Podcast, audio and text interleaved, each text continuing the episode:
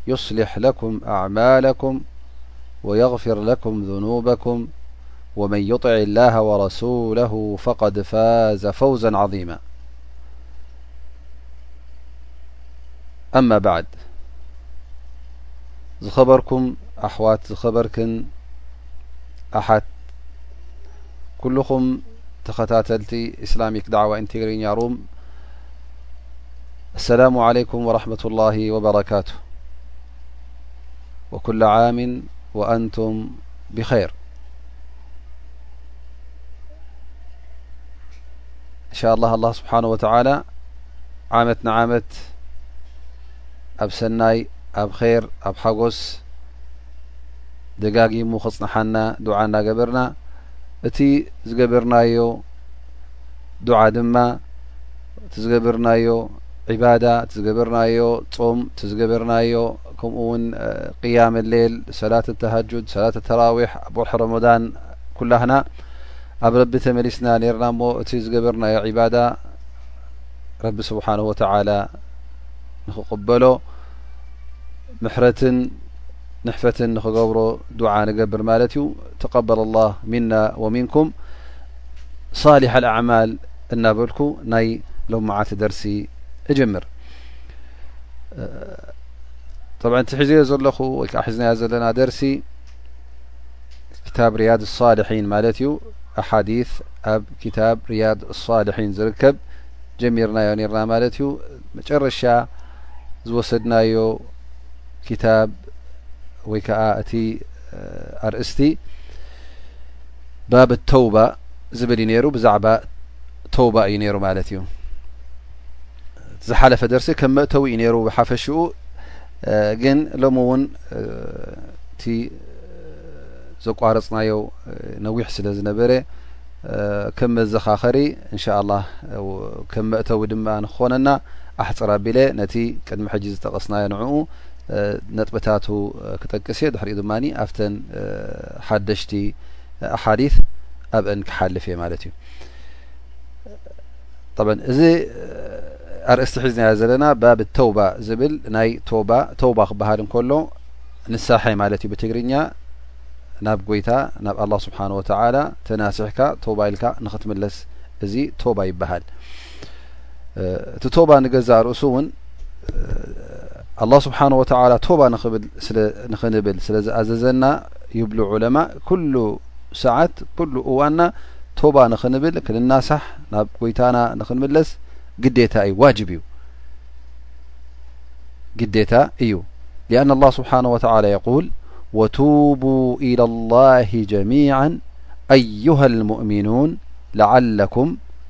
تፍلحون و الى الله جميعا أيها المؤمنون لعلكم تفلحون كلم أنتم مؤمنا نتم مؤمنين توب الكم نب يت تملس يخم مأنت كتعوت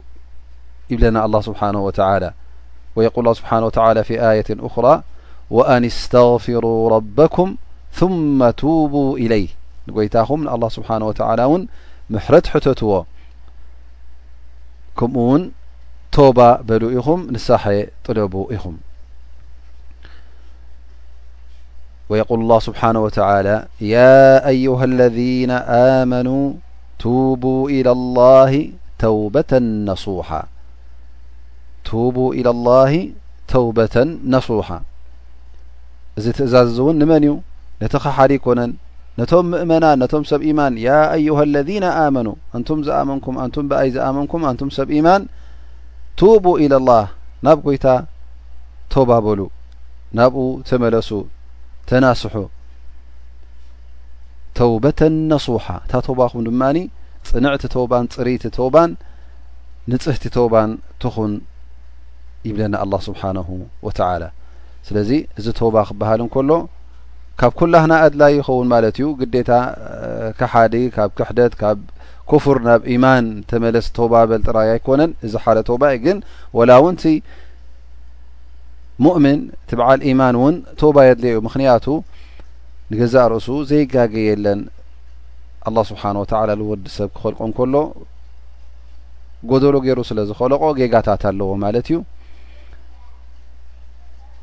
ኣብ ጌጋ ድማ ስለ ዝወድቕ ኩሉ ግዜ ቶባ ክገብር ይግባእ ፈልዑለማ ቃሉ ኣተውባ ዋጅባ ምን ኩሉ ዘንብ ተውባ ንገዛእ ርእሱ ዋጅብ እዩ ግዴታ እዩ ካብ ዝኾነ ይኹን ዘንቢ ተውባ ንክትብል ምናልባሽ እዚ ተባ ትብሎ እዚ እውን ዘንቢ እተ ገርካ ብዝያዳ ኣገዳሲ ወይ ከዓ ኣገዳዲ ይኸውን እዚ ዘንቢ እዚ ምናልባሽ ኣብ መንጎኻን ኣብ መንጎ ጎይታኻን ክኸውን ይኽእል እዩ በይነካ ሃ ማዕስያ ተኩን በይነካ ወበይና ኣላ ማለት ካብቲ ኣላ ስብሓን ወተላ ዝኣዘዘካ ገለ ኣጉዲልካ ክትከውን ከለኻ ወይ ከዓ ፈፅሞ ዝበረካ እንተ ዘይፈፀምካዮ እንታይ ትኸውን ማለት እዩ ጉድለት ስለ ዝፈፀምካ ነዚ ጉድለት እዚ ንክትምልእ ንኸተዐሪ ቶባ ትብል ወይ እውን እዚ ጌጋ እዚ ምስ ሰብ ሰብ ዝበደልካዮ ትኸውን ገንዘቡ በሊዕካሉ ሓሚኻዮ ፀሪፍካዮ ሃሪምካዮ ዝኾነ ይኹን ዓይነት በደል በዲልካዮ እንተ ኮንካ ድማ ቶባ ክትብል ካብዚ ገበን እዚ ካብዚ ጌጋ እዚ ኣድላይ ይኸውን ንምዃኑ ዑለማ ካፍቲ ኣሓዲት ረሱል ካፍቲ ቃላት ኣላ ስብሓን ወተዓላ ዝኣከብዎ ቅድሚ ኩነት ወይ ከዓ ሽሩጥ ናይ ተባ ኣሎ ማለት እዩ ንሱ ከዓ ካፍቲ ዘንቢ ካብቲ ዝገበርካዮ ገበን ወይ ከዓ ካብቲ ዝፈፀምካዮ ጌጋ ከተቋርፅ ማለት እቲ ትገብሮ ዘለኻ ጌጋ ክቕጽል የብሉን ቶባ እንተ ክትብል ኮይንካ እንታይ ደኣ ነቲ ጌጋ ክተቋርጾ ኣለካ ነቲ ፈጺምካዮ ዘለኻ ትፍጽሞ ዘለኻ ገበን ከተዕሪ ኣለካ ምእንቲ ቶባኻ ቅቡል ንክኸውን እዚ ሓደ ቅድመ ኩነት ካልኣይ ድማ ዝገበርካዮ ገበን ዝገበርካዮ ጌጋ ክጣዕሰካ ኣለዎ ምክንያቱ ጌጋ ስለ ዝኾነ ክትገድፎን ክትጥንጥኖን ክትርሕርሖን እንከለኻ ስለምንታይ ኢኻ ትገድፎ ዘለኻ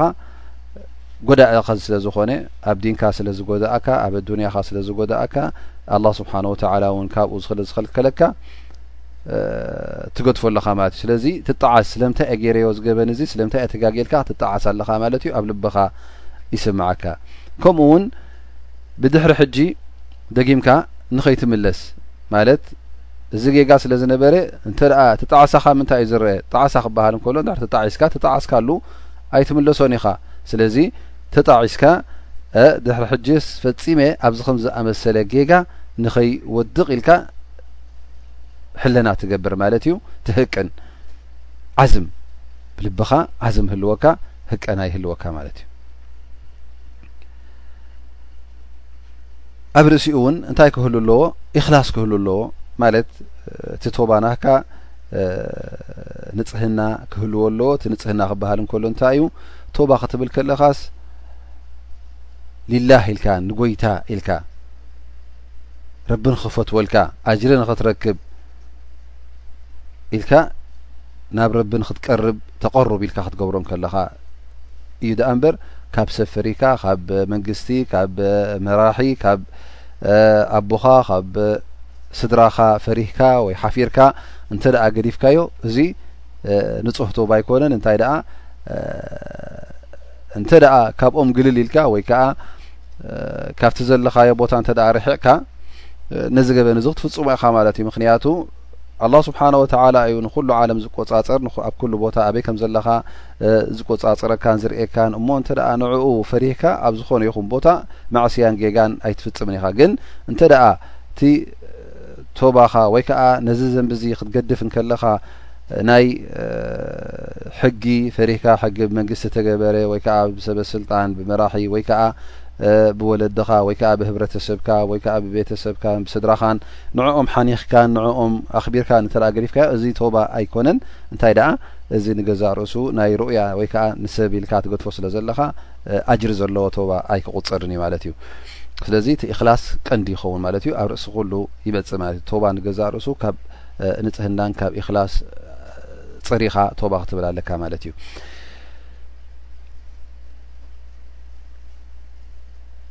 ኣይን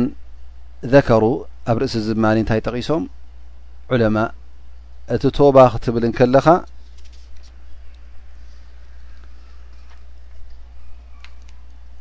ቶባ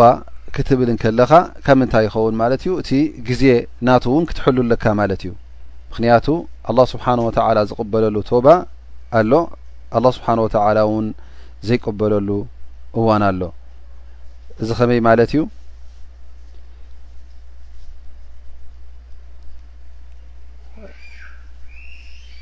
ቶባ ክበሃል እንከሎ ውሱን ግዜ ኣለዎ እዚ ውሱን ግዜ ድማ ኣብ ግዜ ወይ ከዓ ኣብ ሰዓት ሞትካ ትቀራረበሉ ወይ ከዓ እታ ህወትካን ታሩሕካን ኣብ ዓንቀርካ እትበፅሓሉ እዋን ሽዑ ንሞት እና ተቃረብካ ከለኻ ቶባ እንተ ኢልካ እዛ ቶባ እዚኣ ሸዓ ቅብልቲ ይኮነትን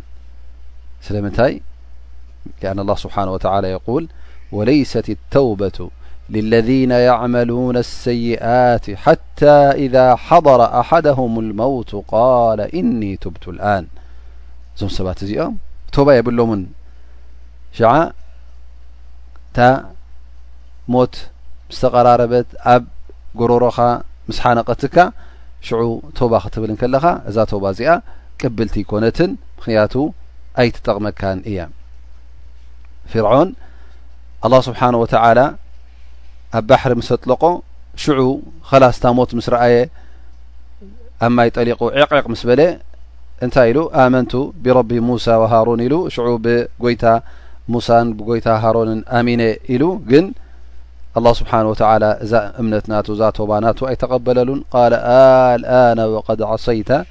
ቀብሉ ወኩንተ ምና ልሙፍስዲን ማለት ሕጂ ዶ ኮይኑ ኣላ ስብሓን ወተዓላ ኣብዚ ሰዓት እዚ ኣይቅበለልካን እዩ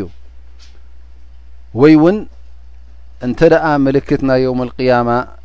ኣትዩ ማለት እዩ እሱ ከዓ እታ ዝዓበየት ምልክት እንተ ደኣ ተረእያ ፀሓይ ኣብ ክንዲ ብምብራቕ ብምዕራብ እንተ ደኣ ወፂኣ ሽዑ ድማኒ ግዜ ናይ ቶባ ሓሊፉ ማለት እዩ ኢዘን ክልተ ግዜ ኣለካ ማለት እዩ ሓደ ናትካ ናይ ግልኻ ግዜ ማለት እዩ እታ ትሞተላ ሰዓት እንተ ኣትያ ኣብታ ግዜ ሞትካ ሸዓ ቶባኻ ቅብልቲ ኣይኮነትን ግን ቅድሚኡ ቶባ እንተ ኢልካ ቶባኻ ይቅብል እታ ካልኣይቲ ድማ ሓፈሻዊ ግዜ ማለት እዩ ንኩሉ ዘርኢ ማለት እዩ ሽዑ ከዓ እታ ምልክት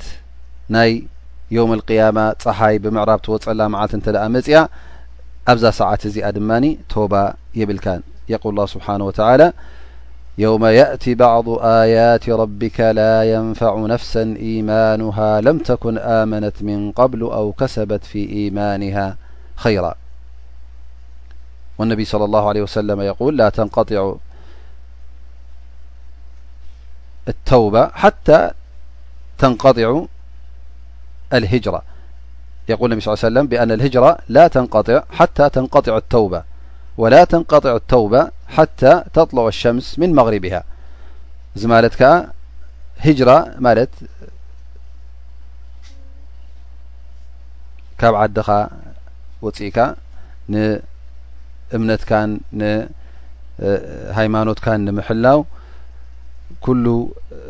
ናይ ኣዱንያ ርኽበትካን ገንዘብካን ስድራኻን ጠንጢንካ ዲንካ ንክትሐሉ ኢልካ ካብ ሓደ ዓዲ ናብ ካልእ ዓዲ ናብ ዓዲ እምነት ናብቲ ዲንካ ትሕልወሉ ክትሰግር እንከለኻ እዚ እቲ ሸሪዓዊ ሂጅራ ወይ ከዓ ፍልሰት ኢሚግሬሽን ማለት እዩ ስለዚ እዚ ሂጅራ እዚ ነቢ ስ ሰለም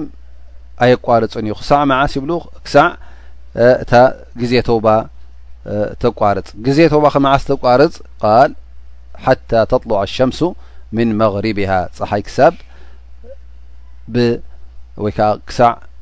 ብምዕራብ እትወፅእ ብምዕራብ እንተ ወፅያ ላስ እዚ እቲ ዝዓበየ ምልክት ናይ እቶ እቶ ናይ መዓልቲ ቅያማ ስለ ዝኾነ ሽዑ ቶባ እንተ ኢልካ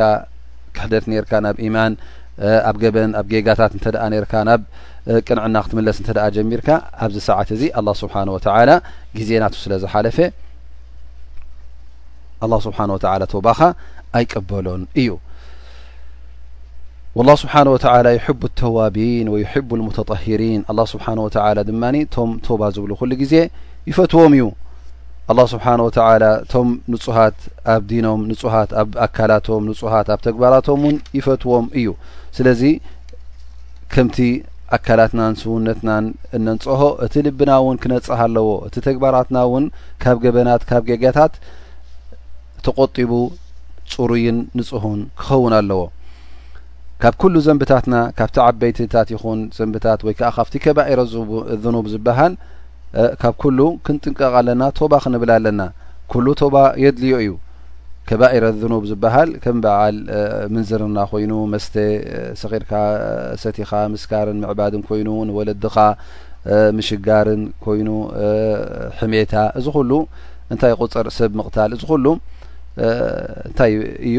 ካብ ከባይረ ዝኑብ ካብቲ ዓበይቲ ዘንብታት ገበናት እዩ ዝቁፅር ካብዚ ቀዳምነት ቶባ ትብል ማለት እዩ ከምኡ ውን ሰጋኢረ ዝኑብ ኣሎ ናእሽቱ ናእሽቱታት ዘንብታት ኣሎ ውን እዚ ዘንብታት እዚ ድማ ኩሉ ቶባ ክንብለሉ ኣለና ማለት እዩ ምክንያቱ እንተ እቲ ናእሽቱ ዘንብታት ሱቅ ኢልና እተ ቀፂልና ደጋጊምና እንተ ኣሰረየና እተ ንዑ ከይገደፍናዮ ከይተቆጠብና እተ ንደጋግሞ ኣለና ኮይና ካብቲ ሰጊር ወይ ከዓ ንኡስ ዘንቢ ዝነበረ ናብ ዓብዪ ዘንቢ ክበፅሕ ማለት እዩ ስለዚ ካብኡ ክንጥንቀቕ ኣላ ስብሓን ወተላ ቶባ ንክንብል ፃውዒት የመሓላልፈልና ኣሎ ማለት እዩ ስለዚ ኣብዘን ኣያታት እውን ዝረኣናዮ ቱቡ ኢላ ላ ጀሚን ኣዩሃ ልሙእሚኑን ለዓለኩም ትፍሊሑን ክብለና ከሎ ኣላ ስብሓን ወተላ ትእዛዝ እዩ ንሕና ቶባ ክንክንብል ኣላ ስብሓን ወተላ ይእዝዘና ኣሎ ማለት እዩ ንንሕድና እውን ክንላቦ ቶባ ክንብል ከም ዘለና ካብቲ ትእዛዝ ኣላ ስብሓን ወተላ ንርዳእ ኣላ ስብሓን ወተላ ቶባ በሉ ካብ በለና ንሕና እውን ቶባ በሉ ኢልና ንኣሕዋትና ነዘኻኽር ማለት እዩ ምክንያቱ ቶባ እንተደኣ ኢልካ እዚ ምልክት ናይ ምንታይ እዩ ናብ ምንታይ እዩ ዝመርሓካ ናብ ፈላሕ ናብ ዓወት ስለ ዝመርሓካ ካብቲ ትፈርሆ ነበርካ መቕጻዕቲ ኣላ ስብሓን ወተዓላ የናግፈካ ናብቲ ትፈትዎ ደስታን ፍስሃን ድማ የብጽሓካ ማለት እዩ እዚ ከም መእተው ክኸውን ከሎ እንሻ ላ ኣብተን ኣሓዲ እውን ንኣቱ ማለት እዩ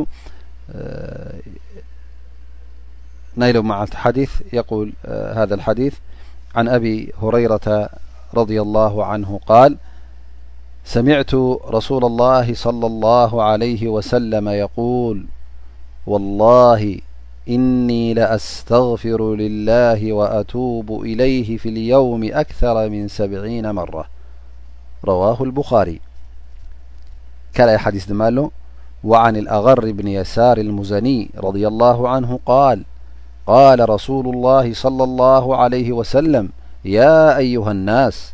وو إلى الله واستغفرو فإني اتوب في اليوم 10ة مرة رواه المسلم እዞም كل ዲث ብحፅር ዝበل ترقም كንبም ወ ትሕዝቶኦም ክንገልጽ እንተ ደኣ ኮይና ኣብቲ ቀደመ ነቢ ስለ ላሁ ለ ወሰለም ብኣላ ስብሓን ወተላ ምሒሎም ኣብ መዓልቲ ካብ ሰብዓ ግዜ ንላዕሊ እስትቕፋር ከም ዝገብሩ ምሕረት ከም ዝሓቱ ንሳሐ ከም ዝሓቱ ሓቢሮምና ማለት እዩ ወላ እኒ ኣስተغፊሩ ላሃ ወኣቱቡ ኢለይህ ፊ ልየውም ኣክተረ ምን ሰብዒና መራ ኣብቲ ካልኣይ ሓዲት ድማ እነቢይ صለ ላሁ ለ ወሰለም የኣዩሃ ናስ ንኩሉ ሰባት ኣንቱም ሰባት ኩልኹም ቱቡ ኢላ ላህ ወስተቕፊሩ ቶባ በሉ ናብ ጎይታኹም ናብ ኣላ ስብሓን ወተላ እስትቕፋር ሕተቱ ምሕረት ሕተቱ ኣነ እውን ንገዛእ ርእሰይ ኣብ መዓልቲ ክሳዕ ሚእቲ ግዜ ቶባ ይብል እየ እስትቕፋር ይሓትት እየ ኢሎም እነቢይ ለ ላሁ ለይ ወሰለም እዘን እቲ ዝረኣናዮ ኣያታት ዝጠቐስናዮ ኣያታት ከምኡ ውን ኣያታት ናይ ቁርን ማለት እዩ ጥቕስታት ቁርን እንሀልኩም እዚ እውን ሓዲት ነቢይ صለ ላሁ ለ ወሰለም ኣብቲ ቀዳማይ እነቢይ ስለ ላሁ ለ ወሰለም ይምሕሉን ይጥሕሉን ብኣላ ስብሓን ወተላ ዝኾነ ይኹን መዓልትስ እስትቕፋር ከይገበሩ ከም ዘይሓልፍ ጥራይ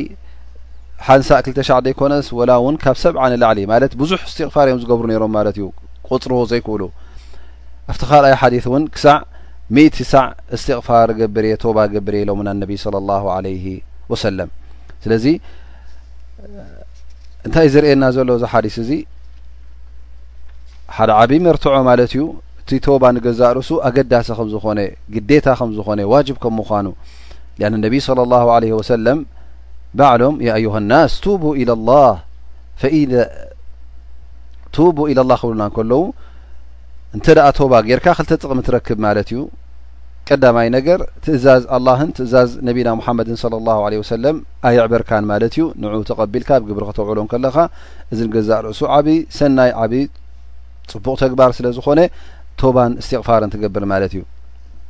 ምክንያቱ እቲ ናይ ኣዱንያ ናይ ኣራን ሰዓዳን ሓጎስን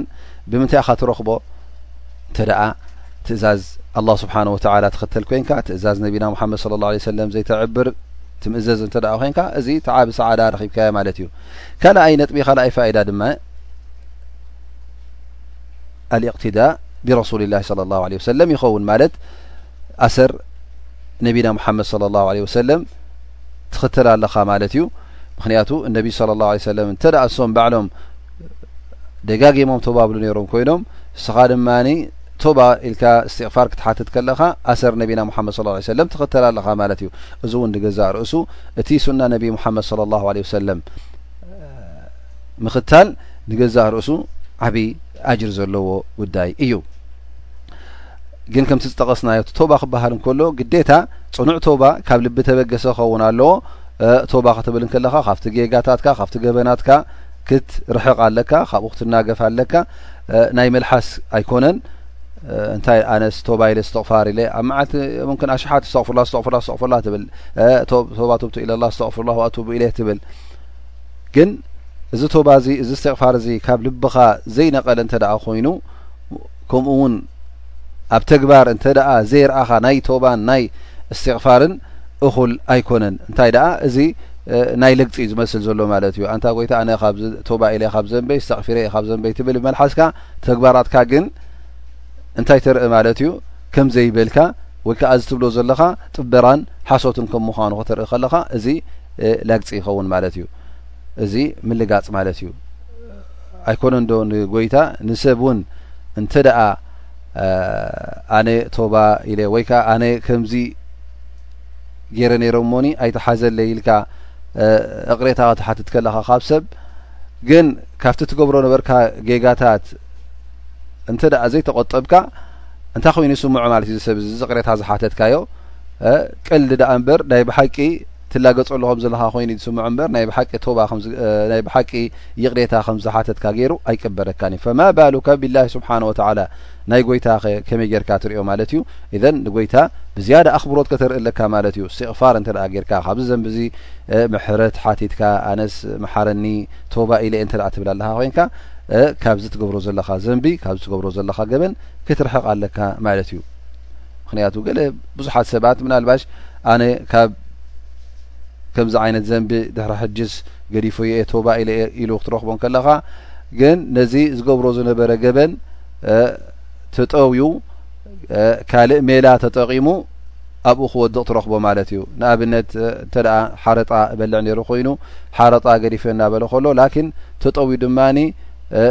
ሽም ካልእ ሂቡ ነዚ ሓረጣ እዚ እንተ ክበልዖ እንተ ክጥቀመሉ ተረኪቡ እዚ ንጎይታ ዘጠበረ ወይ ከዓ ዝቐሸሸ ኣይምሰሎ ንነፍሱ እዩ ዝቐሽሽ ዘሎ ማለት እዩ ቀዳማይ ነገር ኣብቲ ዓብዪ ዘንቢ ናይ ሓረጣ ናይ ሪባ ወዲቑ ካልኣይ ነገር ድማ ንጎይታ ንኣላ ስብሓን ወተላ ዝጥብር ዘሎ ኮይኑ እንተ ደኣ ተሰሚዕዎ እዚ ጠፊኡ ማለት እዩ ከመይ ገይሩ እዚ ስምዒት እዚ ይስምዖ ስለዚ ክጥንቀቕ ኣለዎ ማለት እዩ ስለዚ ቶባ ናህና ኩሉ ግዜ እንታይ ክኸውን ኣለዎ ቁኑዕ ቶባ ክኸውን ኣለዎ ምስ ኣላ ስብሓን ወተላ ዘቕርበና ካብቲ ዝገብሮ ገበናትን ጌጋታትን ካብኡ ፈፂምና ክርሕቕ ኣለና ግብራዊ ክኸውን ኣለዎ ቃላዊ ጥራይ ኮይኑ ክተርፍ ኣለዎ ማለት እዩ ግብራዊ ኮይኑ ግብራዊ ክኸውን ኣለዎ ቃላዊ ኮይኑ ክተርፍ የብሉን ስለዚ እቲ ንገብሮ ዝነበርና ማዕስያ እቲ ንገብሮ ዝነበርና ገበን ዝገብሮ ነበርካ ጌጋ ክትፀልኦ ኣለካ ማለት እዩ ስለምንታይ ገይሩ ኢልካ ብጣዕሚ ትጣዓስ ኣብ ጌጋ ከም ዝነበርካ እውን ባዕልኻ ተኣሚንካ ቶባ ሓቲትካ ማለት እዩ ንሳሐ ካብ ኣላ ስብሓን ወተላ ሓቲትካ ስለዚ እቲ ንስሓ ናካ ፅሩይን ንፅሁን ክኸውን ኣለዎ ማለት እዩ ሓቀኛ ድማ ክኸውን ኣለዎ ማለት እዩ ኣብዚ ሓዲስ እዚ እዘን ክልተ ሓዲስ ጠቐስናየን ሓፀርቲ ኣሓዲ እየን ግን እንታይ ህባና ማለት እዩ ካብቲ ዝባና ፋይዳን ምልክት እንተ ርእና ነቢይ ስለ ላሁ ለ ወሰለም ንኣላ ስብሓን ወተላ ብዝያዳ ብሓይሊን የምልኽዎ ከም ዝነበሩ ካብ ናይ ኩላህና ንላዕሊ ዒባዳን ፈራህ ረብን ገባር ሰናይን ከም ዝነበሩ ይርእና ማለት እዩ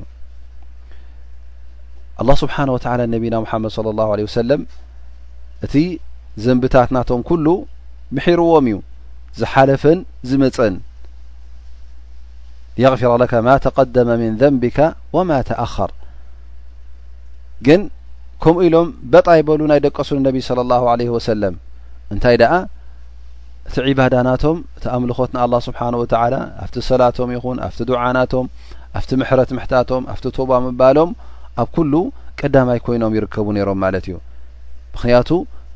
ክብሪ ናይ ኣላህ ስብሓነሁ ወተዓላ ክሳዕ ክንደይ ከም ምዃኑ፣ እቲ ዝገብርዎ ዘለዉ ዒባዳ ድማ ኣጅሩን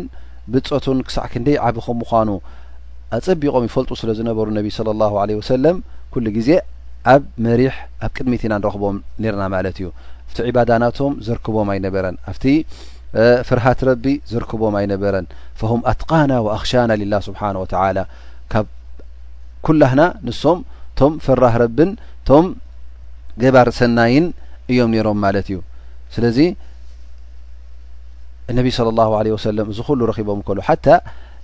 ካነ የቁም ነቢ صለ ላ ለ ወሰለም ሰላተ ሌል ክሰግዱ ከለዉ ካነ የቁም ነቢ ስ ሰለም ሓታ ተተፈጠር ቀደማ ማለት ክሳዕ እግሮም ዝጭደድ ብታሕቲ ማለት እግሮም ዝነቅዕ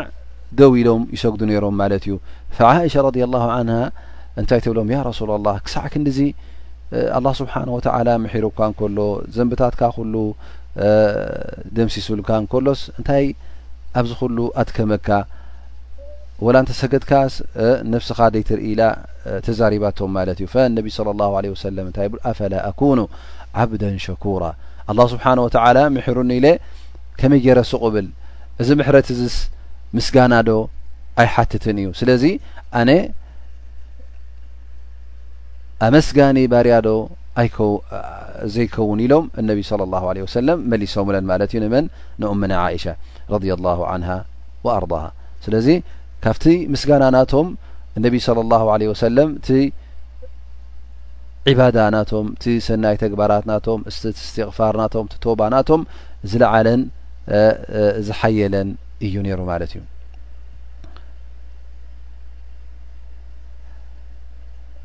ከምኡ እውን ነቢ صለ ላሁ ለ ወሰለም እቲ ዲን ክዕልሙና እንከለዉ እቲ ተግባራት ከርእዩና እንከለዉ ጥራይ ብመልሓሶም ኣይኮኑን ከምዝን ከምዝን ግበሩ ኢሎም ዝዛረቡ ነይሮም እንታይ ደኣ ኩሉ ግዜ ኣብ ፊት ኣብ ቅድሚት ይርከቡ ነይሮም ማለት እዩ ነዚ ተግባር እዚ ባዕሎም ይጅምርዎ ነይሮም እስትቕፋር ግበሩ ክብሉ ከለዉ ኣነ እውን ከማኹም ኣንቱም ሰባት እስትቕፋር እገብር እየ ጥራይ ሓንሳእ ክልተ ሻዕ ሰለስተ ሻዕ ዓሰርተ ሻዕ ዘይኮነ ክሳዕ ሰብዓ ሻ ሚቲ እዩ ዝበፅሕቲ ናተይ እስትቕፋር ወይ ከዓ መቕፊራ ካብ ኣላ ስብሓን ወተዓላ ዝሓቶ ይብሉ ማለት እዩ ስለዚ እንታይ የርእየና እዚ ሓዲስ እዚ ነቢ ስለ ላሁ ለ ወሰለም እሶም ኣርኣያ ናህና እዮም ኣርኣያና ስለ ዝኾኑ ድማ ኩሉ ግዜ እቲ ሰናይ ተግባራት እቲ ዝእዝዙና ዝነበሩ ኣብ ቅድሜና ሓሊፎም ይገብርዎ ነይሮም ስለዚ ፈህወ ሙዓሊሙ ልበሸርያ ነቢ ስለ ላ ሰለም ደቂ ሰባት ዘምህር ብመልሓሱን ብተግባሩን እዩ ነይሩ ጥራይ ብመልሓስ ዝግበሩ እዘይ ኣይትግበሩ ኣይኮነን ጥራይ ትእዛዝ ብምሕላፍ ኣይኮነን እንታይ ደኣ እቲ ተግባር ባዕሎም ኣብ ግብሪ የውዕልዎ ነይሮም። እቲ ብልጸት ናይዚ ተግባር እዚ ስለ ዝፈልጡ ንዓና ድማ እቲ ቁድዋ ዝበሃል ኣርኣያ ዝበሃል ምእንቲ ንሶም ስለ ዝኾኑ ኣርኣያና ስለ ዝኾኑ ንዓና ንኸርእዩ ማለት እዩ። ስለዚ ንሕና ግዴታ ከምቲ ንሶም ዝኣዘዙናን ዘተግበሩዎን ባዕሎም እውን ኣብ ግብሪ ዘርኣይዎን ከምኡ ክንገብር ኣለና ንሰብ እውን ኣንታ ምሁር ኣንታ ተምህር ዘለኻ ኣንታ ኣስተምሃሪ ኣንታ ዳዕዋ ትህብ ዘለኻ እውን ሰብ ሓበሬታ ንክቕበለካ ንስኻ ቀዳምይ ኮንካ ፅናሕ ንስኻ መጀመርያ ሓብር ኣርኢ ኢኻ እሞኒ ኣላ ስብሓን ወተላ እውን እቲ ዳዕዋ ናካ ፍረ ምእንቲ ክርከቦ ተቐባልነት ምእንቲ ክርከቦ ስለዚ ንዕኦም ክንመስል ኣለና ነቲ ተግባሮም እውን ክንፍፅም ይግባእ ኣላ ማለት እዩ ልካ ከምቲ ንሶም ቀዳማይ ኣተግባሪ ኮይኖም ዝርከቡ ዝነበሩ ሕና እውን ዝኾነ ይኹን ነገር ንሓደ ሰብ ክትእዝዝ እንከለኻ እዚ ፈፅም እዚ ጌጋ እዩ እዚ ሓላል እዩ እዚ ሓራም እዩ እዚ ረቢ ፈትዎ እዩ እዚ ረቢ ይፈትዎን እዩ ኢልካ ሓበሬታ ከተመሓላልፍ ከለኻ ንስኻ እውን ኣብ ድሕሪት ክትተርፍ የብልካን ድሕሪት ክትጸንሕ የብልካን እንታይ ደኣ ቀዳማይ ክትከውን ኣለካ ነዚ ስራሕ እዚ ወይ ከዓ ነዚ ተግባር እዚ ኣብ ግብሪ ክተውዕሎን ከለኻ ተቐባልነት ምእንቲ ክትረክብ ስለዚ እቲ ዳዕዋ ንገዛእ ርእሱ ንሓደ ሰብ ኣይትግበር ክትብሎን ከለኻ ቀዳማይ ካብቲ ገበን ዝቁጥብ ንስኻ ክትከውን ኣለካ ግበር እንተ ኢልካ ድማ ኣላ ስብሓን ወተላ ህዳያ ምእንቲ ክበና ንኩላህና ኣብቲ ተግባር እውን ክትርከብ ኣለካ ስለዚ እቲ ጉዳይ ናይ ተውባ ኣገዳሲ እዩ ኩላህና እውን ተውባ ክንብል ኣድላይ ከም ምኳኑ እነሀሎም መዓልቲ ኣብዚ ደርሲ ዝተረዲእና ኣለና እቲ ዝሓለፈ ወርሒ ንገዛእ ርእሱ ወርሒ ሮሞዳን እዩ ነይሩ እዚ ወርሒ እዚ ሻህር ወርሒ ናይ ተውባ ናይ እስትቕፋር ኣጅርታት ዝድለበሉ ወርሒ እዩ ነይሩ እሞ ኣብቲ ዝሓለፈ ወርሒስ ነዚ ጉዳይ ተውባ ተጠቒምናሉ ንክንከውን ናብ ርብና ተመሊስና ንክንከውን ተስፋ ገብር ምክንያቱ ሸይጣን ዝእሰረሉ ወርሒ ኣፍ ደገ ጀና ዝኽፈተሉ ኣፍ ደገ ጀሃነም ዝዕጸወሉ ወርሒ ስለ ዝኾነ እቲ ባብ ናይ ተውባ እውን ክፉት እዩ ባብ ኣፍ ደገ ናይ እስትቕፋር ክፉት እዩ ነይሩ እሞ ኣብዚ ዝሓለፈ ወርሒስ እንሻ ላህ ኩላህና ተውባ ኢልና ናብ ረቢ ተመሊስና ንክንከውን ጠብዐን ተስፋ ገብር ምክንያቱ ኩሉ ሰብ እውን እዚ ወርሒ እዚ ብዓብዪ ኣኽብሮት ስለ ዝርኦ ብዓቢ ቅዳሰ እውን ስለ ዝቕድሶ ነዚ ወርሒ እዚ ኩሉ ወላ እቲ ኣብ ጌጋ ዝርከብ ዝነበረ ሰብ ኣብ ሕማቕ ዝነበረ ሰብ ናብ መስጊድ ገጹ ክውጃሃ ኢኻ ትሪዮ ማለት እዩ ሰላት የብዝሕ ቶባ የብዝሕ እስትቕፋር የብዝሕ ስለዚ ነዚ ዕድል እዚ ነዚ ወርሒ እዚ ኩላህና ሕጂ ሓደሽቲ ኢና ዘለና ማለት እዩ ካብዚ ወርሒ ሮሞዳን እዚ ወፂእና ኣብቲ ዝነበርናዮ ሃዋሁ ናይ ሮሞዳን ናይ ቶባ ናይ እስትቕፋር ናይ ግብረ ሰናይ ናይ ቶባ ኣብኡ ንክንቅፅል እና ተላበኹ ናይ ሎማዓቲ ደርሲ እንሻ ላ በዚ ይድምደም